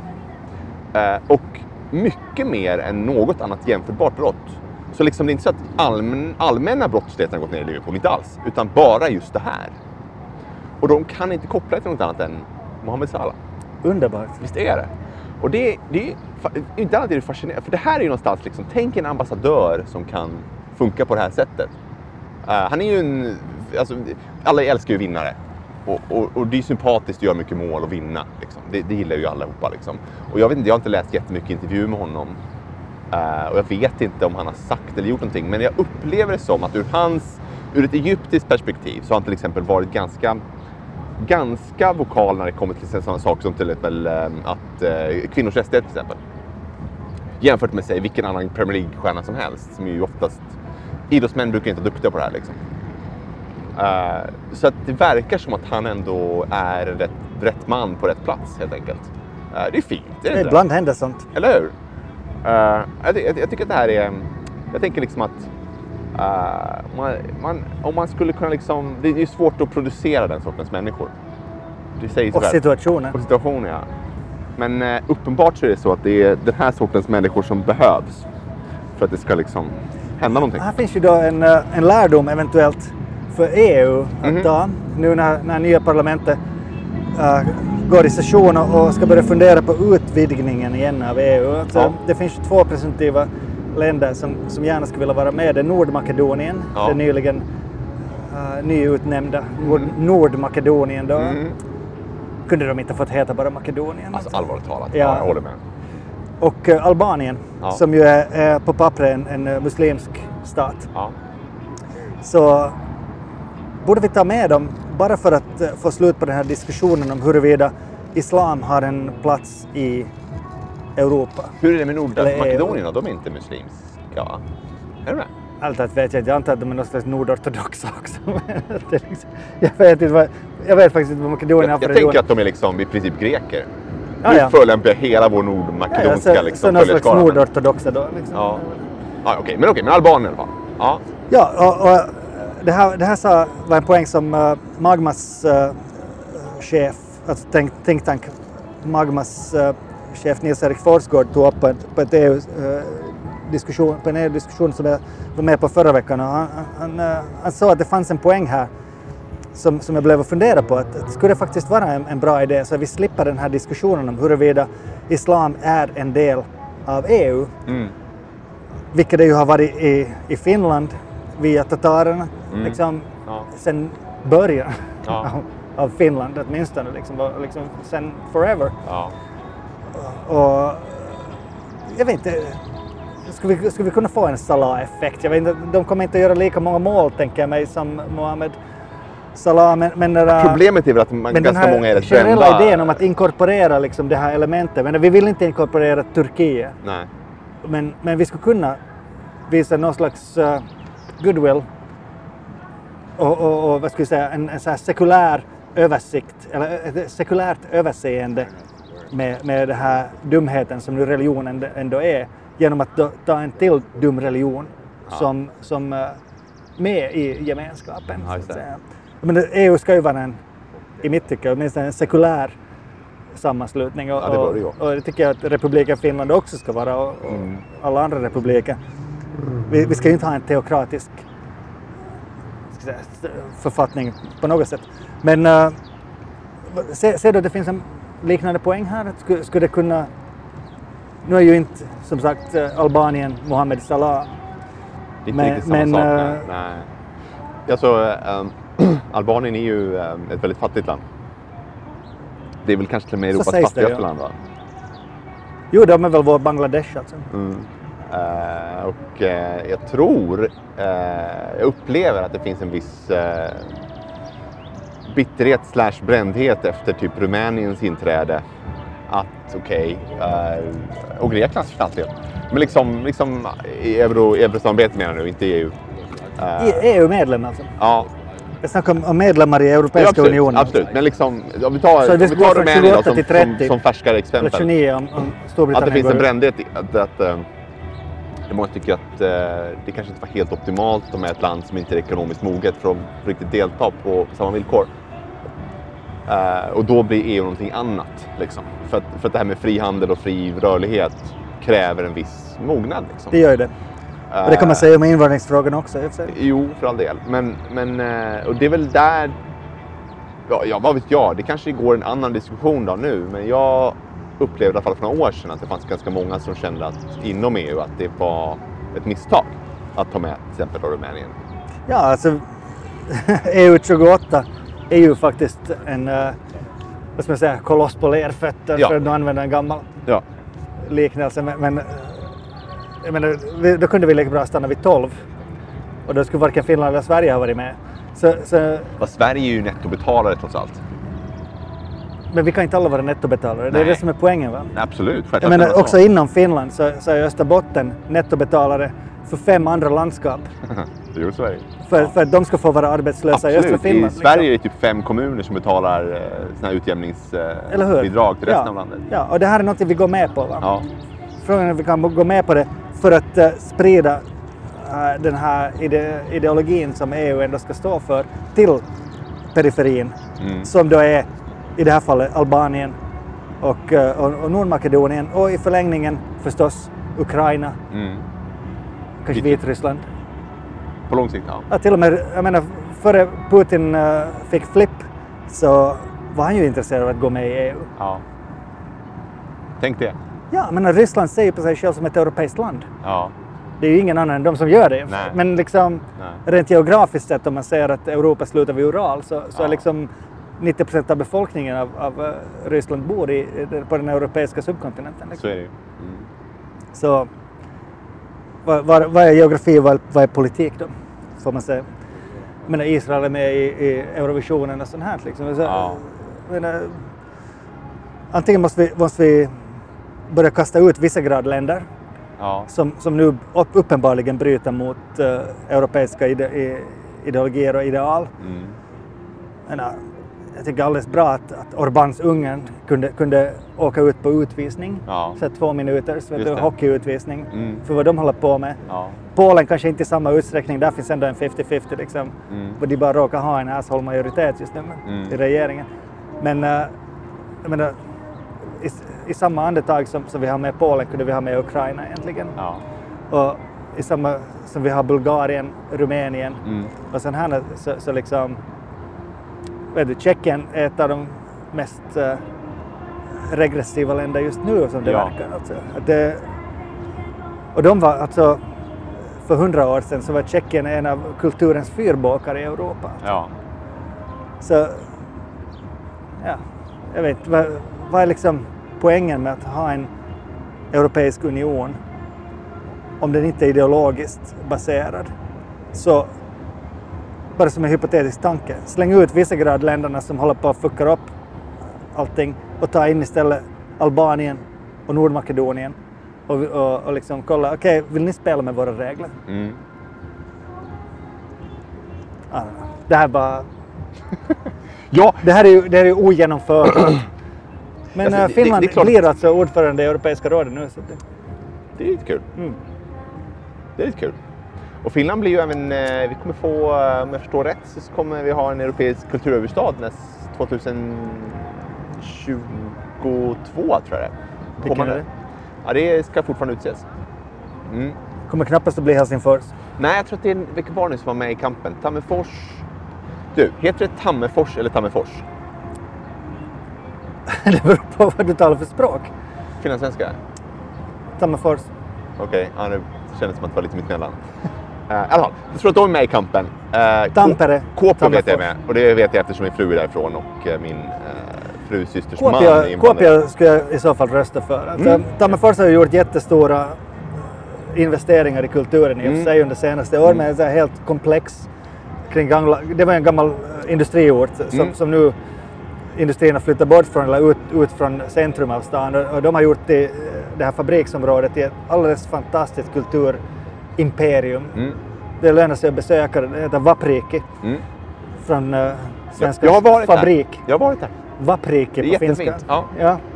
Och, och högstående konst Ja. och fina museer och sådär. Det finns ju Mäntä, Ja. en liten ort, inte en stad kanske, men, Mm. men eh, en liten ort som, som eh, har gjort oerhörda investeringar också Mm. i, i, i kulturen de senaste åren.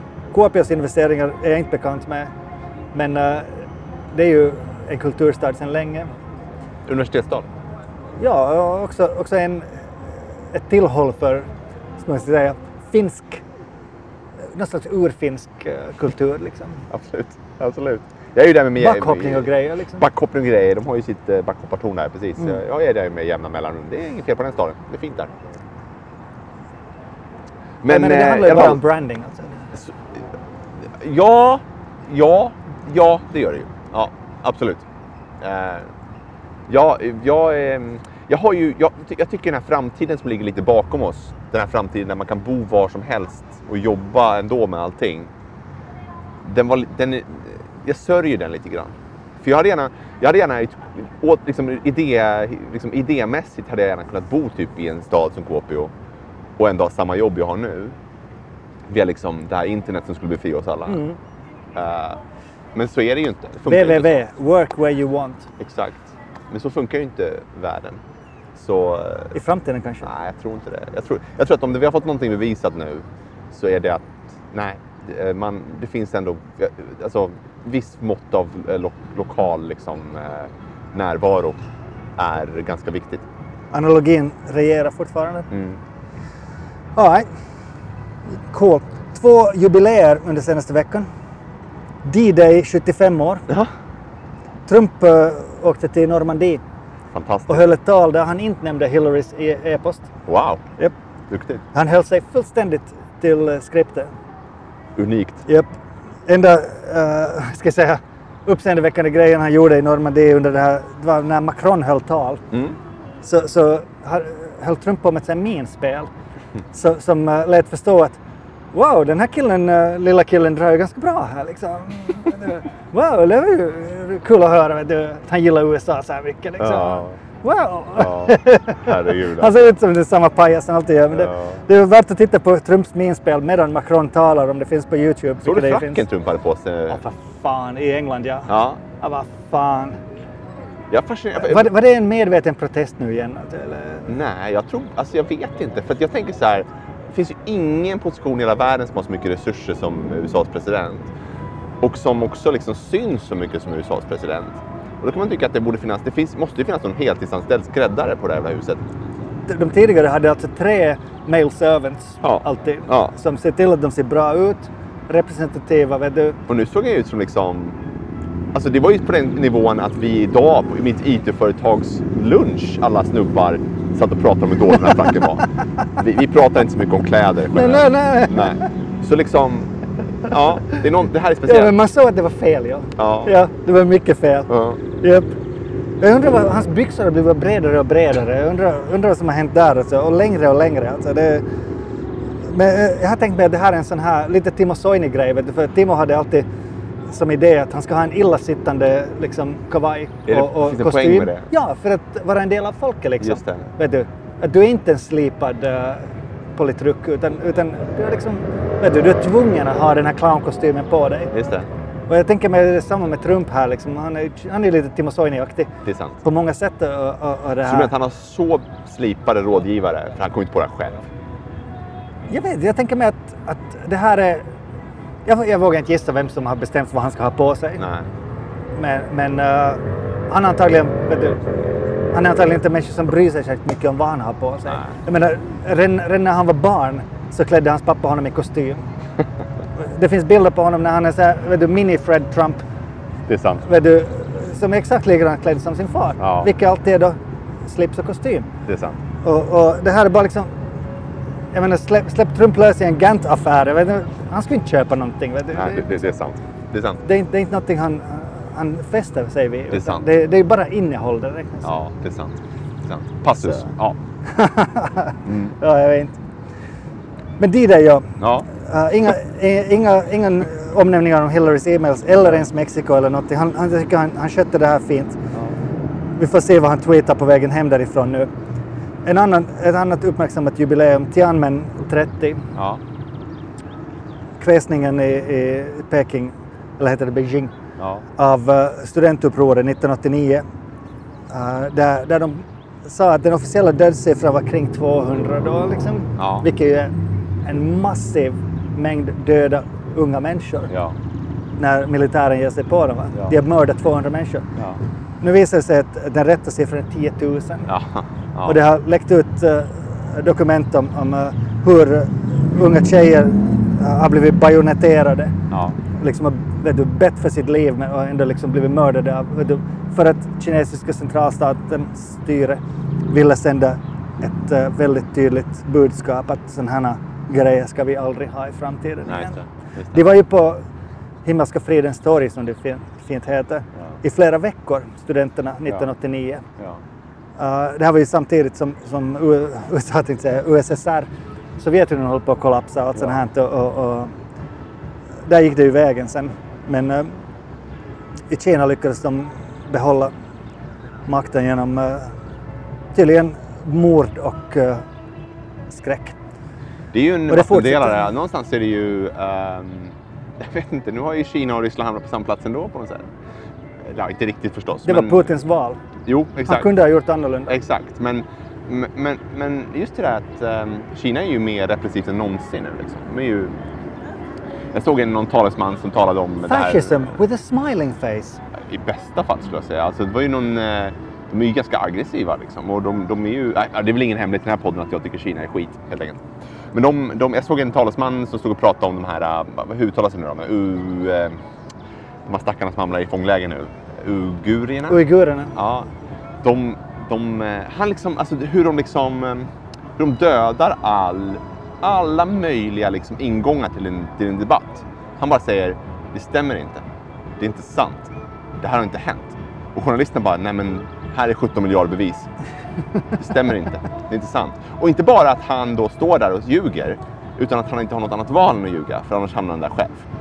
Det är ju liksom någon slags den ultimata staten. Det här är ju exakt vad som skedde i Sovjetunionen hela tiden.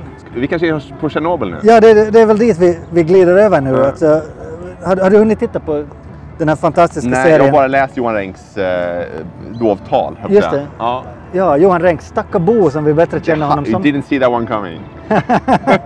Here we go again. Ja, here we go, go, go! Ja. Bra låt i och för sig. En av de, en av de minst eh, dåliga av den här genren ska jag säga. Ja, den, den håller nog helt okej ändå. Visste ja. du att uh, Stacka eller, eller Johan också var del av E-Type i något skede. Nej. Det här var, fick jag påstått för mig eh, att, eh, att det här skulle vara fallet. Jag, det här började inte ifrågasätta det här. Men jag sprider det som ett rykte nu Ja, ja. Ja. före han, före han gick solo. Men det, det finns säkert en historia här. Hur som helst, den nya serien Chernobyl som ligger på HBO nu. Mm. Jag tog en gratis månad på HBO bara för att se det här. Ja. Så tankade igenom den på två dagar. Ja. Fem avsnitt på cirka en, en en halv timme. Ja. Helt fantastisk regi. Mm. Jag säger Johan Renck, vilket jäkla geni. Alltså. Ja. Ja. Mycket bra eh, skrivet också av eh, Craig Massin. Mm. Det var han som producerade, skrev och, och liksom skötte i stort sett allting. Det var, Ja. det var hans uh, love child. Jag läste faktiskt en, det var en eh, kvinna som växte upp i Sovjetunionen och som var ung då när det hände. Hon, var, hon var väldigt lyrisk om eh, att, eh, hur, hur eh, exakt eh, och hur rätt de har fått miljön. Detaljer. Alltså det, den är ju liksom, oerhört eh, vissa vacker plast, i all sin... plasthinkar som Japp. liksom används. Japp. Alltså verkligen rätt liksom. Och nu har ju Craig Massin på sin eh, Twitter satt ut all, all källor, all Ja. källmaterial han har använt. Mm. Så, så, som jag kikar igenom lite idag. Så det är helt fantastiskt. Det är just människor som har tagit foton då och då. Ja. Alltså verkligen där och då. Ja. Alltså, och, och det, nu, vi vet ju att Pripyat som är staden där bredvid alltså, Ja. så, så har varit övergiven. Där finns det här fantastiska nöjesfältet som är fullständigt överbevuxet nu. Och sen Ja. alla de här bilderna har vi ju sett kanske tidigare. Men eh, verkligen, verkligen snyggt gjort. Alltså en, en dyr och fin produktion Mm. Och oerhört smakfullt regisserat Mm. av Johan Renck. Eh, Han är, han är värd tusen poäng för den här. Alltså. Det, är, det är fascinerande för det finns ju någon slags... Eh, Och vilka, vilka skådisval? Förlåt. Jag har inte sett den än då, men, men eh, det finns någonting Jonas Åkerlund-mässigt med Johan Renck. Alltså han, är ju, han kommer ju från liksom musikvideovärlden på något sätt. Tydlig. Tydligt, det kanske är det som är grejen. Det är, det är en oerhörd tydlighet och en sån här ska säga, som, som inte blir överkommersialiserad utan, utan som eh, han, han använder vissa sådana här, just som du säger, de här plasthinkarna som, som fanns som är ubiquitous, Mm. jag vet inte vad det heter på svenska. Överflödiga. Nej, ubiquitous, alltså, alltså typiska. Jaha, eller förlåt. här- Jag missuppfattade helt. Ja. ja, som, som bara förekommer i Sovjetunionen till Mm. exempel. Alltså. Och, och allting, allting, som, allting du ser är liksom autentiskt skrivet på ryska och, sån här, Ja. du, och så här. Så jag antar att den är gjord också för att uh, ryssarna ska kunna konsumera den dubbad Ja. som, som en egen produktion. ja. Sen har du ju alldeles fantastiska skådespelare där. Och nu minns jag förstås vem, vem uh, Skarsgårds motspelare är, men han är den här som är i Mad Men och, och så här, så här britten i Mad Men Mm. med, med grodansikte. Äh, gör sitt livs roll här och, och, och jag, vet, jag, tror jag måste se hela grejen igen. Alltså. Mm. Jag var verkligen betagen. Nu har ju alla snackat bara om äh, Game of Thrones senaste ett och ett halvt åren. Mm. Men äh, den här femdelade grejen är ju nog liksom något av det finaste som har gjorts. ja, men jag får se den då, helt enkelt. Det är ju, gjorde inte han ett House of Cards, eller några stycken till och med, Mm. avsnitt, Renck? Mm. Jo, det tror han var med där Innan också. det föll ihop. i- Ja, de böt ju för varje, vad jag förstår. Ja. Eller man, de hade många olika där. Ja. Men ja, um, Tjernobyl och, och eh, som Gorbatjov sa, alltså det här Tjernobyl-olyckan var ju faktiskt en av de mest betydande händelserna som gjorde att hela Sovjetunionen kollapsade. Mm. Mm. Alltså, det där, och det, följdfrågan, var det bra att det hände? att Sovjetunionen kollapsade? Att Tjernobyl kollapsade? Nej, det var det ju fakt- faktiskt inte. Nej. Nej. nej, det kan man ju inte tycka. Nej. Jag menar, där hade ju tiotusentals döda och, och ännu fler liksom, sjuka Men och vet man det? och Alltså, sådär. eh, finns det någon officiell dödssiffra på... Det är jättesvårt att uppskatta det för, för att eh, vi, vi kan också i Finland se att, att det där nedfallet av cesium eh, var, var för högt då. Ja. Men, men försök nu sen koppla liksom det, till, till det här eh, nedfallet. Mm. Det var, att- det var här grej. Det det var svårt en, att- så en, det- en ja. ung moderat i Sverige som twittrade en sån grej häromdagen. Han twittrade att eh, ja, men, eh, det dog 200 människor eh, omedelbart efter Tjernobyl. 31 är det officiella siffran. Ah, Okej. Eh, jag tror han, skrev, han, han använde siffran 200 och han fick den ifrån vet jag inte. Men det är relativt få då. Medan det dör eh, 300 000 människor i Kina eh, typ varje år av kol. av kol. Ja. Eh, Och självklart är ju liksom undermeningen att fan bygg nu jävla kärnkraft. Hur folk kan det vara om några stycken dör? Ja, det är också en bra fråga. Eh, jag, jag tyckte att det var ganska intressant ändå. Jag, jag ser ju att man jämför äpplen och päron här. Uh, riktigt så enkelt är det ju inte. Liksom. Och jag tror inte heller att man kan hävda att Tjernobyl var en... Någon, det, det är liksom inte... Det är liksom inte alltså det, det är som att säga så här, att Estonia-katastrofen var värre än Tjernobyl. Det blir en absurd... Alltså, så kan man ju inte säga. Nej. Så... eh, så eh, eh, men det är ändå... Ja, såklart. Måste man ju, någonstans är det ju så. Det där är ju en rätt speciell... Om man nu är till exempel nybliven klimatpolitiker. Hur man ska liksom resonera kring just de här sakerna. Ja, jag tänkte också att eh, har de försökt göra nu en, en uh, anti-nuclear grej eller har de försökt göra en uh, pro-nuclear grej? Och, uh, jag landar någonstans där mitt emellan. Mm. För att uh, teknologin beskrivs väldigt tydligt. Mm. Jag vet, du kanske inte är medveten hur ett kärnkraftverk Det fungerar kan jag inte påstå. nu. med, med en plutoniumkärna och boron, uh, i- vad heter det, restrictors, alltså som, som gör att du, du, det är väldigt förutsägbart hur grundämnen reagerar. Vi, vi vet det här. Va? Mm. Så, så det är väldigt, eh, väldigt lätt egentligen att, att, eh, att reglera Mm. de effekter som, som, som du får av det här. Mm. Problemet var i Ryssland att de hade satsat på lite billigare lösningar. Och, och det här är då liksom var, varför Tjernobyl exploderade så som det gjorde Mm. var att uh, det var summan av, av eh, flera misstag. Mm. Men eh, det borde inte egentligen ha varit möjligt. Och det här är ju vad alla säger, det säger de efter Three Mile Island också. Ja. Det här borde inte egentligen ha varit möjligt Ja. om inte det skulle varit ett mänskligt misstag. Fukushima förmodligen också. Ja, där hade de väl inte räknat med att det skulle komma så mycket vatten in. Nej. Nej. Så, men vem fan bygger ett kärnkraftverk vid vattnet liksom? Det är ju ett väldigt bra sätt att kyla ner kärnkraftverk på. Ja, Mm. men bygg det lite längre upp och liksom... Naja. Så, så jag är fortfarande kluven i mitt förhållande till kärnkraften. Men nu när vi har det så måste vi ändå göra oss av med, med avfallet. Mm. Så hur mycket avfall vi har kanske inte spelar lika stor roll som att vi redan har det. Mm.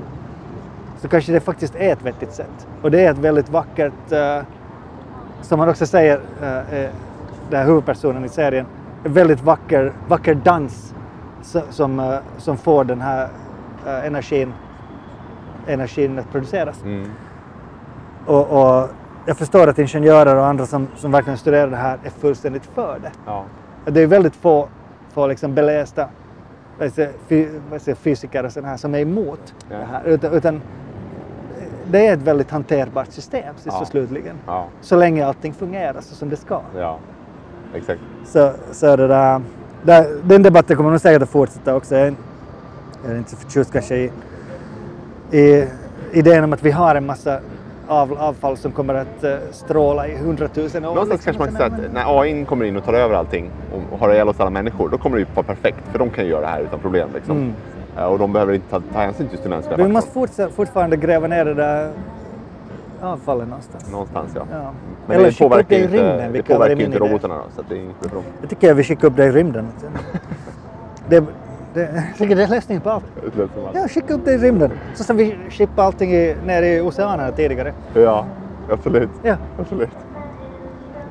fullständig trajectory bara. Right up there. Oh, så, well. ja. Nu Ja. har vi gått långt över tiden snart. Ja, Eh, då kanske det räcker så. Tre, tre minuter på, på övertid här. Ja. Nu vill jag ställa den sista frågan till dig Peter. Som, Mm. eh, Du sa här tidigare att du har tillbringat tid i Tyskland. Ja. Nästan bott där får man säga. ja, ett drygt år. Ja. Du är liksom en uh, halv svensk, halv finsk, uh, tredjedels tysk. Tiondels då. Ja. Tiondels tysk. Ja. Liksom. Firar tyskar midsommar? Nej. Jag var rädd för det. Mm. Jag hyrt ut vår lägenhet över midsommar och det billigaste alternativet vi hittade var att åka till Berlin. Mhm.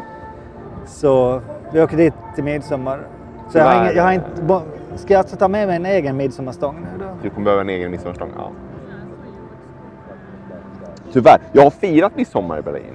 Men det var för att jag, bodde, jag, jag kände en tysk tjej som eh, hade bott i Finland och blivit alldeles betagen av, av just midsommar. Eh, och hon arrangerade på egen hand. Men det var inget som hennes eh, tyska vänner fattade någonting av. Okej, Mm. så um, ingenting att se fram emot här. Tyvärr. Okej, då knyter vi, knyter vi ihop säcken Vi här. sätter streck. Sätter streck och drar punkt. Mm. Och eh, solen håller på att snart gå ner bakom uh, den vackra vita kyrkan. Vi hoppas att det går att höra oss. Har Gott att höra oss. Det tror jag. Ja. Även om det är en konsert nu som har pågått en liten stund i bakgrunden. Det också, ja. Men det är fint att vara ute på stan. Det är ju det. Det här, är- livet blir inte bättre än så här. Nej, det blir faktiskt inte det. Tack så mycket för oss helt enkelt. Jag heter Janne Strang. Jag heter Peter Törnroth. Vi är 2-0 för mycket och vi är tillbaks snart igen.